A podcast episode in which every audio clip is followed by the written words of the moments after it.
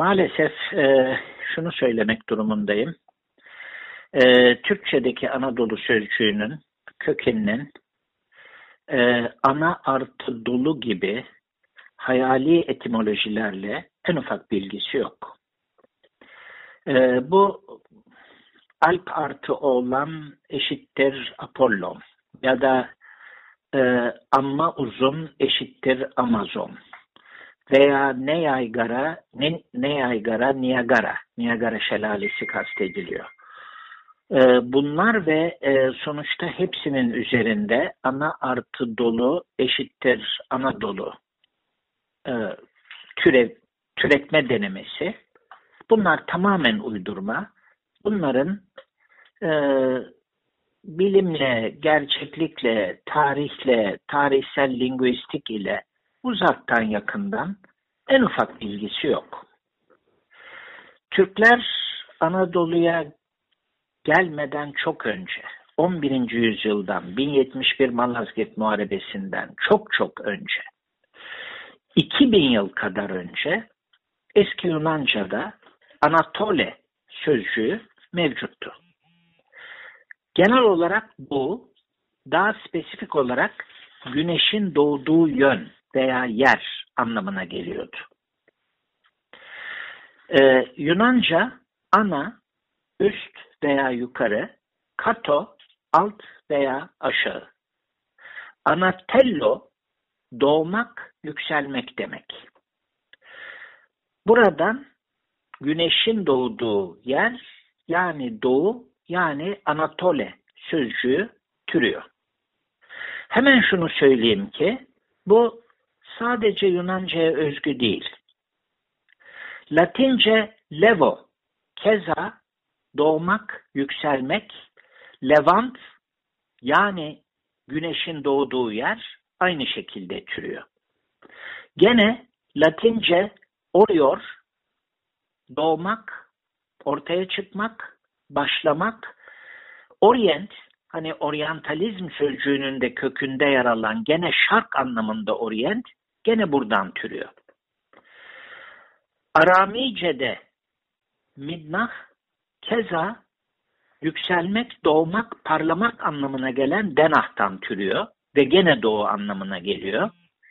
İbranice zarah yükselmek, doğmak, parlamak doğu anlamına gelen, şark anlamına gelen mizrah buradan türüyor. Yani Midna, Mizrah, Orient, Levant ve Anatole. Bunların hepsi yönler içinde doğu yönü güneşin doğduğu taraf anlamına geliyor. Anadolu sözcüğünün ilk defa eski Yunan'da genel olarak Anatolia sözcüğünün Anatolia Anatolikon, Anatolis vesaire gibi türevleriyle ilk defa eski Yunan'da genel olarak doğu yönünü kastetmek için kullanıldığını görüyoruz. Buradan Roma'ya geçiyor.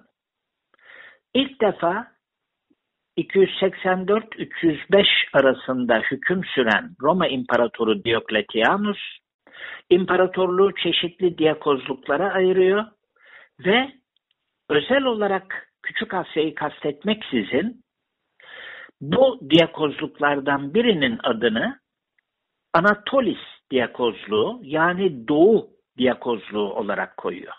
Dediğim gibi burada özel olarak bugünkü anlamıyla Anadolu veya Küçük Asya değil, genel olarak Şark kastedilmekte.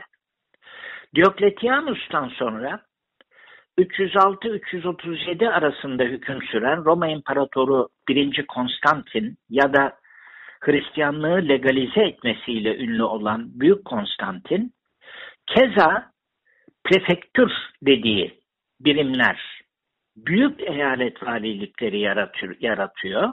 Her birini bir pretorun yönetimine veriyor ve bunlardan bir tanesi de keza Anatolis prefektürü yani bununla Doğu prefektürü kastediliyor. Trakya'dan Mısır'a kadar uzanan bütün doğu eyaletlerini kapsıyor.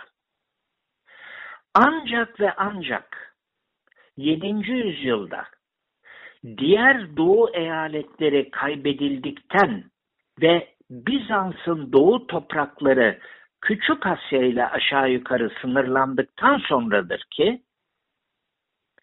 artık imparatorluğun Anatolis doğu bölümü dendiğinde bugünkü anlamıyla Anadolu üç aşağı beş yukarı anlaşılmaya başlıyor.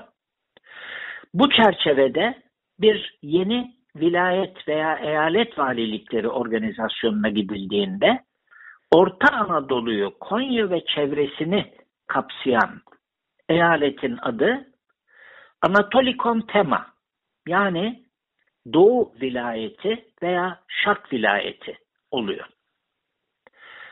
Ee, buradan Anatole, eski Yunanca'daki Anatole sözcüğü Orta Çağ'da Latince Anatolia biçimini alıyor ve buradan da e, çeşitli Avrupa dillerine ve çağdaş Türkçe biçimi olan Anadolu'ya geçiyor. E, insan isimlerine de yansıyor.